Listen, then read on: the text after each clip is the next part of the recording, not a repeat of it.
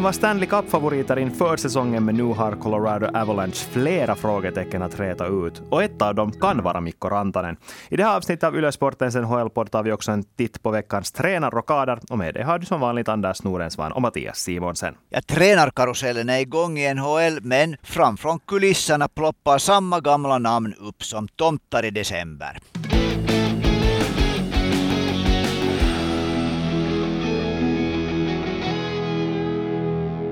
Ja, inför säsongen kändes det ju lite som att Colorado Avalanche lyftes upp som en av de här riktigt, riktigt stora förhandsfavoriterna att gå hela vägen och ta Stanley Cup. Men inledningen på säsongen har varit ganska svår. De ligger förvisso tvåa i centraldivisionen med ett bra poängsnitt, men inte de så överlägsna som många hade väntat sig att de skulle vara i en ganska förhållandevis svag division. Ja, överlägsna har ju Colorado definitivt inte varit. De har ju haft problem att hållas på rätt sida om playoff-strecket, men en massa struligheter har det ju också varit.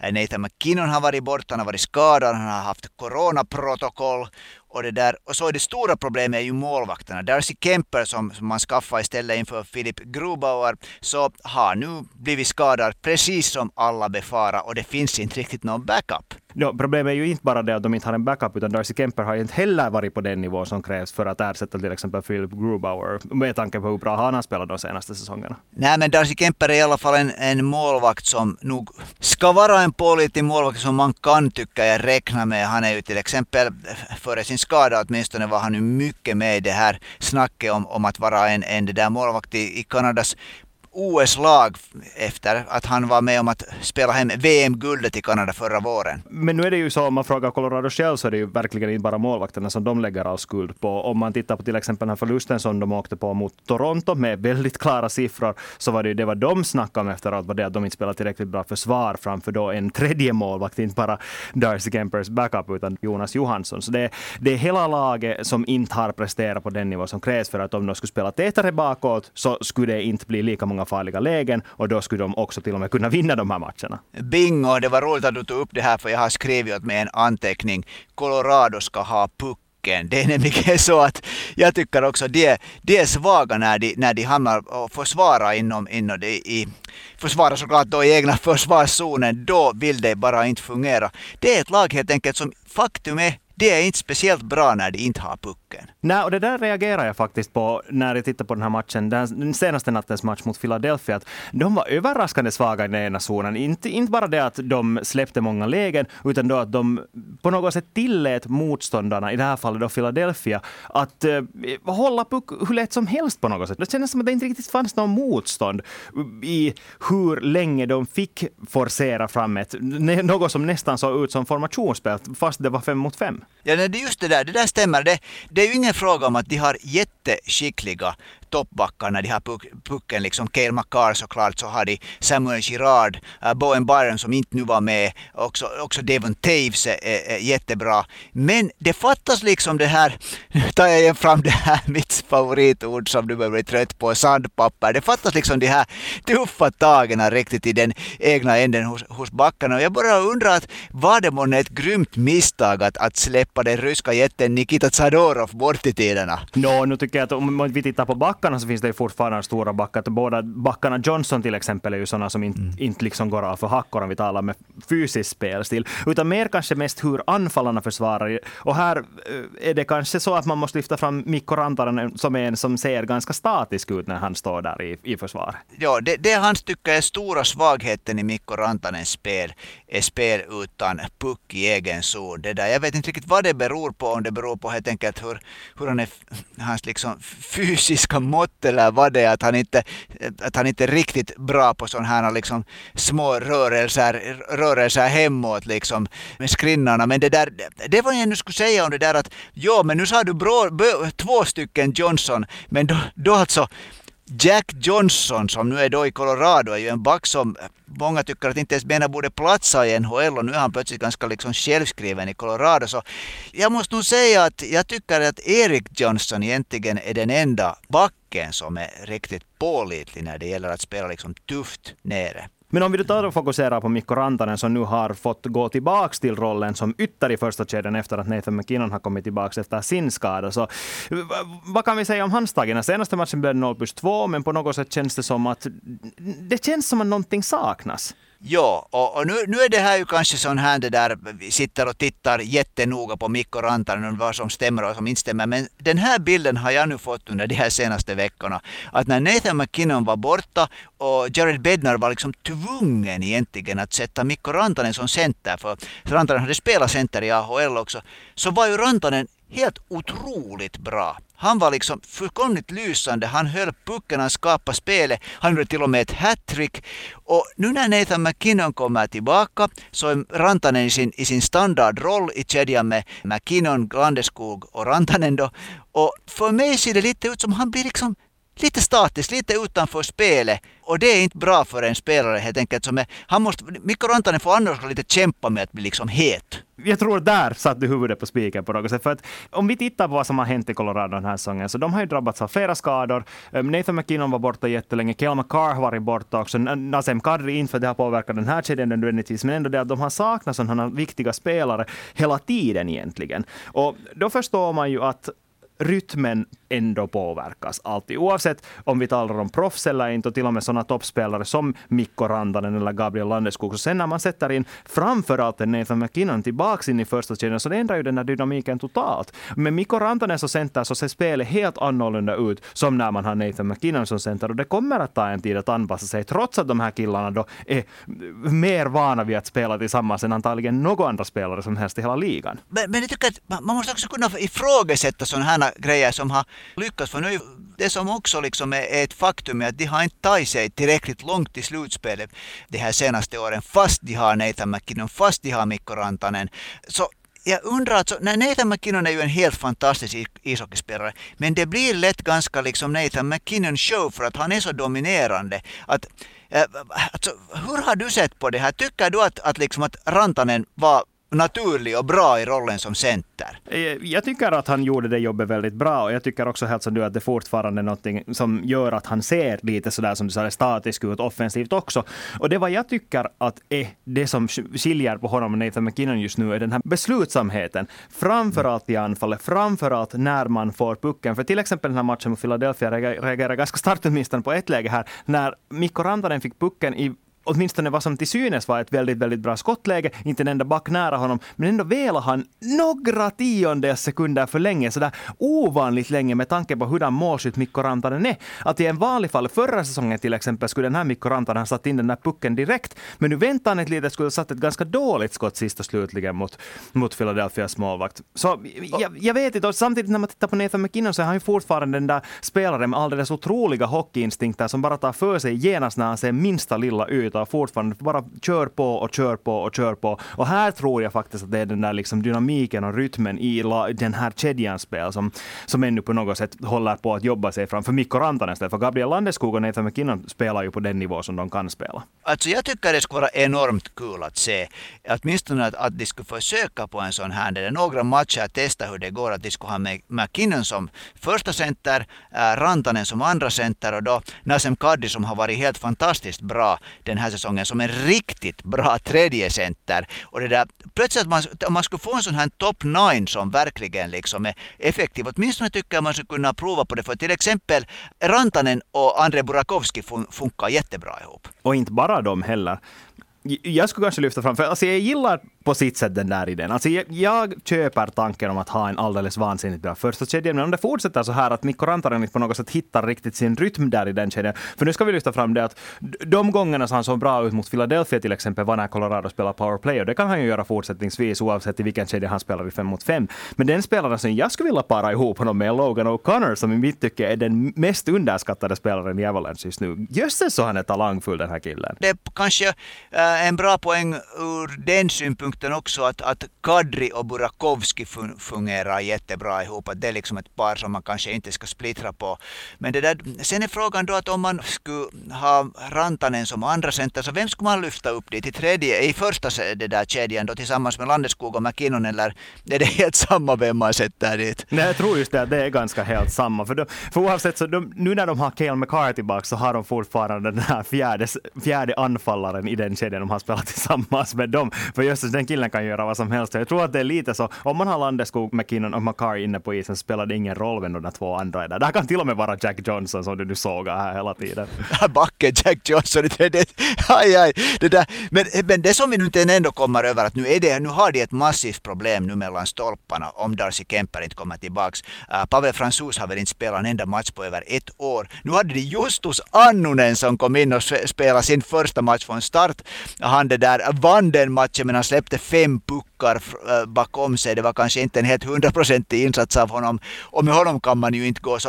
Nu är det ju oberoende hur bra de spelar så om de inte får det där att funka med målvaktsspelet så det där, nu kommer det så mycket puckar mot egna mål att det, det, det, där, det, går, inte, det går inte vägen. Ja, och ännu för att ta upp det här Annonens statistik, alltså det säger ju inte kanske hela sanningen om man säger att han släppte in fem mål bakom sig. Men om man tittar på den här uh, fördjupade statistiken så är expected goals against mot Colorado den här matchen var två och en halv. Så oavsett var det nog inte kanske helt en helt prickfri prestation av honom. Men vi ska komma ihåg att han är väldigt ung och han är fortfarande klassad ändå, vågar jag påstå, som den största målvaktstalangen i Colorado. Men det känns ju då faktiskt som att han inte riktigt ännu är redo. Speciellt med tanke på hur höga förväntningarna är i Colorado Avalanche den här säsongen. Så där jag håller med. Varför inte, varför inte shoppa in till exempel Jonas Korpisalo i, i det här läget? Nej, Jonas Korpisalo ska vi alltid, han är alltid där, som man ska shoppa en målvakt. Och det är Jonas Korpisalo som stackarn finns högst uppe där på, på listan. Men det där, så du, du där lyfter fram ett namn här som du tog det där en, en parallell till en, till en annan kille som flytt, flyttade från Boston till Colorado Colorado, Ray Borg. Så hur, det, hur var det nu sen med det här med Tuukka Rask? ja, vem vet, vem vet.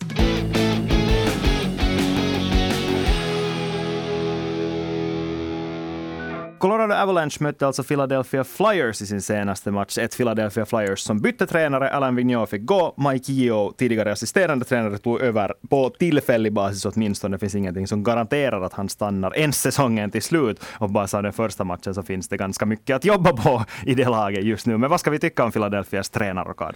Ja, det var ju alltså, de hade ju egentligen inte något annat alternativ. Det måste ju ske det där en förändring. Jag tycker jag lyfter på hatten att de gjorde det att både Vigneault och, och Terrien fick gå för att det är liksom ett par som på något sätt jag tycker inte ger förtroende och har en sån här på något sätt liksom negativ aura över sig då när det inte går bra. Uh, Mike Joe, så han det där, ja, han var ju i, i Minnesota när uh, Mikko Koivu och Mika Granlund var riktigt heta tillsammans. Uh, därifrån fick han sparken som det alltid brukar gå, så var han ett par år i, i det där i St. Louis och därifrån fick han sparken. Ska vi säga på sättet att Mike Joe har, har jättemycket att bevisa. Jo, det håller jag med om. Och kanske lite bakgrund här. Alain Vigneault fick också sparken för det. Det här har inte kommunicerats officiellt, men det som de här insatta eh, Philadelphia Flyers-reportrarna talar om är det att det fanns en alldeles otrolig förtroendebrist mellan spelarna och tränarna.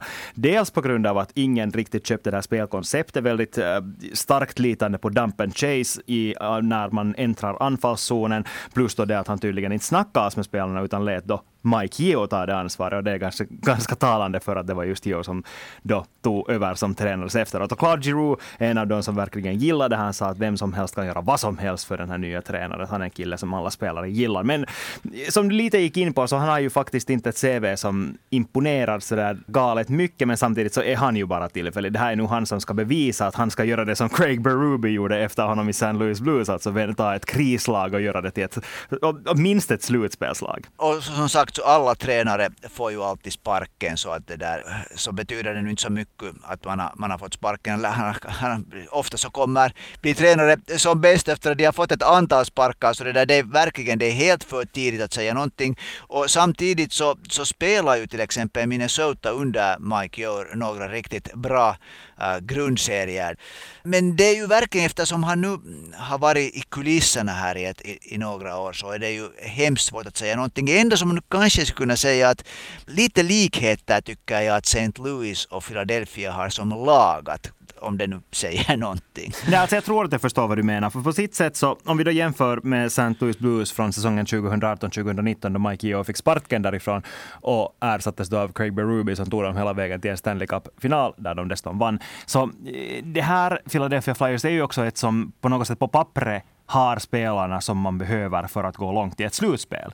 Nej, det har det aldrig liksom varit någon snack om. Jag vet att jag har sagt att jag inte tror på deras chanser. Jag har alltid på något sätt, eller just den här säsongen har jag haft svårt med all hype kring Philadelphia Flyers. Det var inför säsongen och jag har lite svårt att tro att en tränare som på något sätt har varit så länge inne i Vigneaus system, att han skulle kunna hämta något så nytt sådär spelmässigt som skulle ändra på, vända på trenden för Philadelphias del. Men samtidigt, om allt vad det här laget behövde var en väckarklocka så är det här ju absolut det. Och det som, eh, vad jag nu läste i Philadelphia media efter den här matchen mot Colorado så verkar alla ganska imponerade av att det laget aldrig gav upp och att de fortsatte kämpa trots att Colorado bara pangade in mål på löpande band. Vet du, där tycker jag nog att de skriver helt skräpsnack, för jag tycker att Philadelphia liksom inte var bra mot Colorado. Ja, det där, ja, de, de fick sina liksom stunder när de kunde hålla pucken uppe i offensivt zon. Men det där, alltså den där matchen höll ju i ett skede på att, att se riktigt ful ut när Colorado ledde med 4-1 där och sen kanske det gick lite lätta puckar in bakom just hos Annonen. Så det där, eh, jag, tyck, jag tycker nog de var yra höns igen, igen liksom i, eh, speciellt i egna försvarszonen. Men Philadelphia Flyers var ju inte det enda laget heller som har bytt tränare de senaste dagarna. Bruce Boudreau är tillbaka nu som chefstränare för Vancouver Canucks. Och vi har faktiskt fått in en fråga om just den här tränarrokaden. Jonas undrar varför tar Vancouver in Bruce Boudreau? Han förstår verkligen inte varför de gör det. Vad, vad tycker du Anders? Eh, Jonas och Anders undrar varför Bruce Boudreau. Alltså jag, har, jag har varit en ovän av Bruce Boudreau i många år. Jag förstår inte vad han gör i NHL. Och att han, samma, samma gamla namn kommer upp gång på gång därifrån. Liksom ploppar upp om, om man tar in, in dem. Bruce Boudreau, om vi ser på vad han har presterat i NHL, så jo, han är en bra grundseriecoach. Det har han liksom bevis för. Han har tagit lag till slutspel, men där har det tagit slut. Han har inte fått ett enda lag någonsin längre än till konferensfinal och det, det, det, det, var, det är länge sedan. När han var i Minnesota så blev det ingenting i slutspelet. Anaheim hade han ett jättebra lag och där har jag det där hört i, i intervjuer och läst intervjuer av både Saku Koivu och Teemu Selänne som var under Bruce Boudreau i Anaheim som var ganska överraskade över att, att Bruce Boudreau liksom när det en gång blev slutspel och det, det, då förändras allting så hade han liksom ingenting att ge. Nej, alltså, det var Bruce Boudreau har varit bra på tidigare under sin karriär, tycker jag, är att han får ut det mesta av sina superstjärnor i grundserien. Och det har han ju, det facitet som han har, så det där du säger att han är en bra grundserietränare är ju en rejäl underdrift. Han är den tredje bästa grundserietränaren i NHL genom tiderna när man tittar på segerprocenten. Bara Scotty Bowman och John Cooper är före honom på den listan. Han, med, med Washington så vann han sin division fyra år på raken. Med Anaheim vann han divisionen fyra år på raken. Och då ska vi ändå minnas att det här var väldigt tuffa divisioner under de här åren. Alexander Ovechkin, Niklas Bäckström blev ett alldeles otroligt radarpar med honom i Capitals. I Anaheim så hade han sen Ryan Getzlaff och eh, Corey Perry första hand. Jo, Saku Koivu och Teemu Selänne också, men de var nog... De, de spelade sina sista säsonger i NHL just då, medan Getzlaff och Perry gjorde sina bästa, bästa säsonger under honom. Så jo, han är bra på att få ut det bästa av sina stjärnor, men så ska vi också minnas att det här är ganska länge sedan det här hände. Men på något sätt, jag förstår logiken på ett annat sätt än du känns som åtminstone varför man vill plocka in honom. För han har det här facitet som säger att han kan ta lag till slutspel. Men det där var bra att du radade upp en, en, en rad med sådana här namn som han har coachat. För med de spelarna så ska det också gå bra i grundserien. Det är liksom spelare som bara liksom producerar tillräckligt mycket i grundserien. Men nu var ju under hela Bruce Boudreaus tid i Washington så nu var det hela tiden att aha, Va? Att, vad hände nu? Varför tog det slut med de här spelarna? Och samma faktiskt i Anaheim också. Så det där. När, när det ändå är så att alltså, när du har ett tillräckligt bra lag med rutinerade killar Äh, sådana som verkligen kan prestera, så går det nog som ett, på ett sätt som ett tåg till slutspelet. Men det där, och, och det kanske ännu var mera för, på det sättet för tio år sedan än det är för tillfället. Det där. Men, men nu är det ju slutspelet sist och slutligen som sådana här rutinerade rävar liksom ska visa sina klor. Jo, på sitt sätt, men samtidigt så lyfter du kanske fram Vancouvers problem också. För deras problem just nu är ju det att de här stjärnorna inte levererar. Att du har Elias Pettersson, du har Bo Horvat, du har Brock Baser, du har Oliver Ekman Larsson, du har Quinn Hughes. Det är liksom... Det här laget är tillräckligt starkt för att vara ett av de bästa i Stillahavsdivisionen och just nu är de ett av de sämsta. Så jag förstår absolut att man då väljer att plocka in en tränare som är känd för att få ut det vad han vill få ut av stjärnorna och sen vet jag, kanske han nu på ålderns höst har lärt sig att man måste ändra, ändra på hur man spelar i slutspel. Kanske han nu har fått den här insikten efter att det gick åt skogen i Minnesota. För det ska vi ändå lyfta fram att det gick inte värst bra när han tränade ett ganska rutinerat lag där också då med Mikko Koivu, Ryan Suter, Zach Parise till exempel. Så, vem vet, vem vet? Att på något sätt känns det som att han var så otroligt framgångsrik, framförallt då i grundserien, jag understryker det än en gång, men ändå framgångsrik i Washington och Anaheim, att han ändå kan i mina ögon förtjäna den här chansen. Ja, han får nog vänta på att visa sina klor i slutspel med Vancouver, för den här säsongen kommer det inte till slutspel. Det, det, det, där. det är jag färdig att slå vad om. Det där. Men, eh, jag hörde, lyssnade faktiskt precis på Jeff Marek show. Där hade han eh, en det där analytiker som är specialiserad på Vancouver, som nästan skrek i den där mikrofonen att, att det där, ja, Ekman Larsson, Quinn Hughes, där är två backar som kan förse anfallarna med puckar. Men där tar det slut. Att Vancouver kan inte nå framgång med den backtrupp de har. De har två backar som kan spela med puck och resten är fullkomligt liksom äh, intetsägande killar. Nu ska vi inte heller glömma att Bruce Boudreau redan har kontrakt för nästa säsong också. Och då kan de i allra högsta grad utmana om tredjeplatsen i Pacific. No, det är såklart. En ny säsong, där allt, allt kan hända och det finns ju hemskt mycket talang i det här laget. Och de har bra målvakt, så i princip den här strukturen funkar. Och jag hade ju faktiskt inte själv reagerat på att deras backtrupp är så usel som den här killen menar, men det där, han var nog verkligen kritisk. Det där, äh, men om vi lite ännu snackar Bruce Boudreau här, så då kommer vi igen till det här som, jag blir så förvånad när man följer med till exempel då Premier League är det där, som ju också byter för tillfället tränare hela tiden. Att hur det kan vara att NHL har så liksom, det är bara de här samma namnen. Man tittar ingenstans annanstans än den här lilla poolen med det där tränare som, som finns i NHL. Nej, det håller jag fullständigt med om, för det känns på något sätt så bakåtsträvande. Men, och det, men det är samma överallt. Det är samma i den inhemska ishockeyligan, helt som du sa i fotbollsligan, är det ett väldigt bra exempel på det också. Att, när man har en tränare som har något som helst meriter, som har vunnit, eh, ska vi säga att de har haft en säsong där de har vunnit hälften, eller de har vunnit fler matcher än de har förlorat, så det redan tyder på att de är tillräckligt bra tränare för att åstadkomma någonting i NHL och att de kanske till och, till och med då skulle kunna ta det där nästa steget med just ditt lag. Så jag förstår att man tänker så, men samtidigt känns det så otroligt mossigt att man inte tar in nya namn. Men sen igen, Ska vi titta på några nya tränare som har kommit in i NHL de senaste åren? Det har inte gått värst bra för dem. Så. Nu finns det ju, tycker jag ändå, tycker Jared Bednar har det där, tycker man kan säga att han har gjort jättebra ifrån sig. Och, och det där, uh, Toronto bytte tränare där från en, från en veteran till en kille som hade varit i AHL. Det ser nu ut att egentligen den här säsongen börjar bära frukt. Men alltså, det, alltså, det, det som jag egentligen skulle vilja lite komma åt när det alltid kommer den här det kommer alltid den här att, jo, att det är det att man måste tala fullständig engelska för att kunna komma till NHL. Men titta nu då för 17 på Premier League, hurdana tränare där finns. Jag lovar att Antonio Contes engelska är inte speciellt bra. Och han kan nog minsann träna ett Premier League-lag. I tiden när Arsene Wenger kom till Arsenal så kunde han väl inte säga annat än good morning ungefär på engelska. Mm. Så är det nu mellan raderna så att du försöker lobba för att Jukka Jalonen ska få någon av de här jobben? Inte bara Jukka Jalonen. Jag tycker, jag tycker att, att, att, det är helt otroligt att man inte ens för den här diskussionen. Jukka Jalonen är ett självklart namn. Jag tycker att Kari Jalonen är ett självklart namn. Jag tycker att Rickard Grönborg är ett självklart namn. Jag tycker att, att Roger äh, Rönnberg från Frölunda är ett självklart namn. Och sådana som Tony Söderholm börjar sagt och vara att, att varför finns liksom inte det här intresse? Att det kan ju inte vara så att, liksom, att man inte på något sätt skulle kunna komma från Europa och göra framgång i NHL som tränare.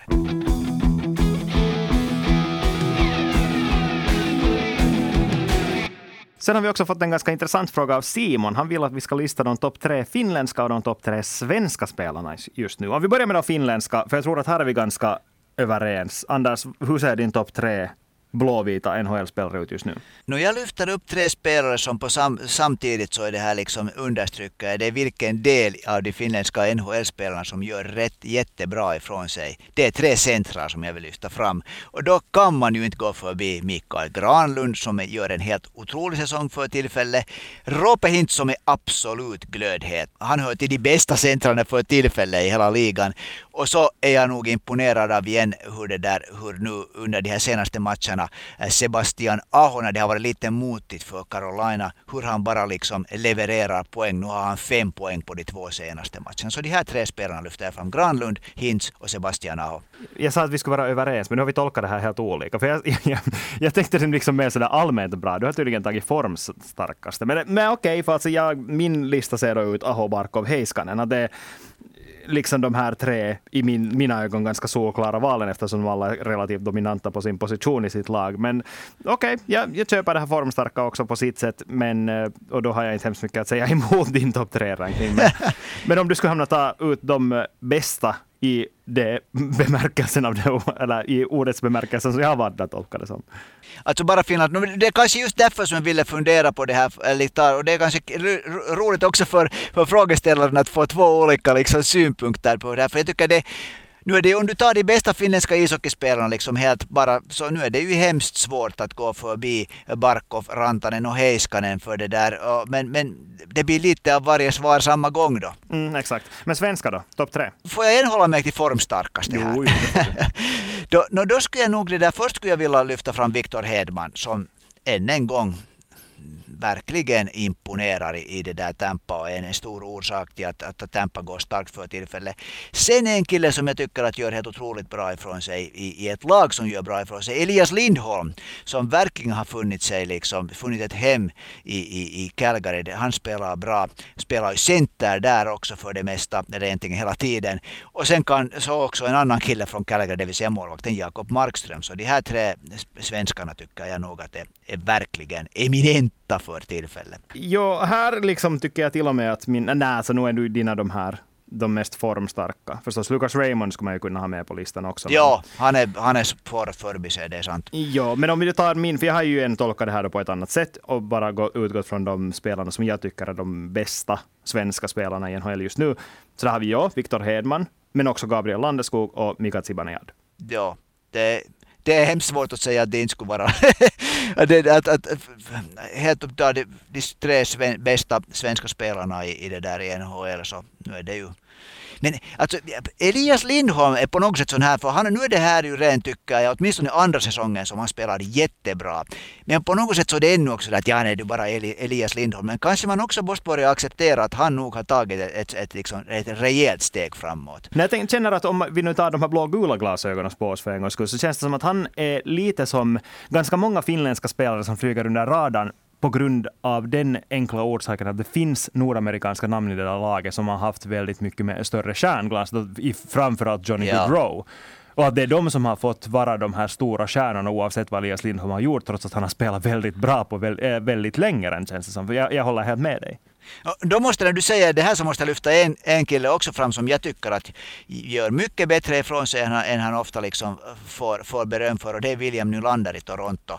För det, det, han är ju den här som alla alltid älskar att, att det där raka ner på. Men det där, och där är det också då, det finns de här tre stora stjärnorna där, Matthews, Marner och Tavares som ska vara bäst. Men William Nylander tävlar nog, alltså Matthews är bäst, det, det kommer man inte Han är i en klass för sig. Men sen är nog det där, William Nylander tycker jag nog att mycket väl för tillfället. Kan till och med säga att han är näst bästa forwarden i, i det där Toronto för tillfället. Men skulle William Nylander vara så där bra utan Austin Matthews? Men han spelar ju inte så mycket tillsammans med Austin Matthews. Eller, han spelar eller, för det... eller John Tavares eller Mitch Marner. Skulle no, han vara lika var... bra utan dem?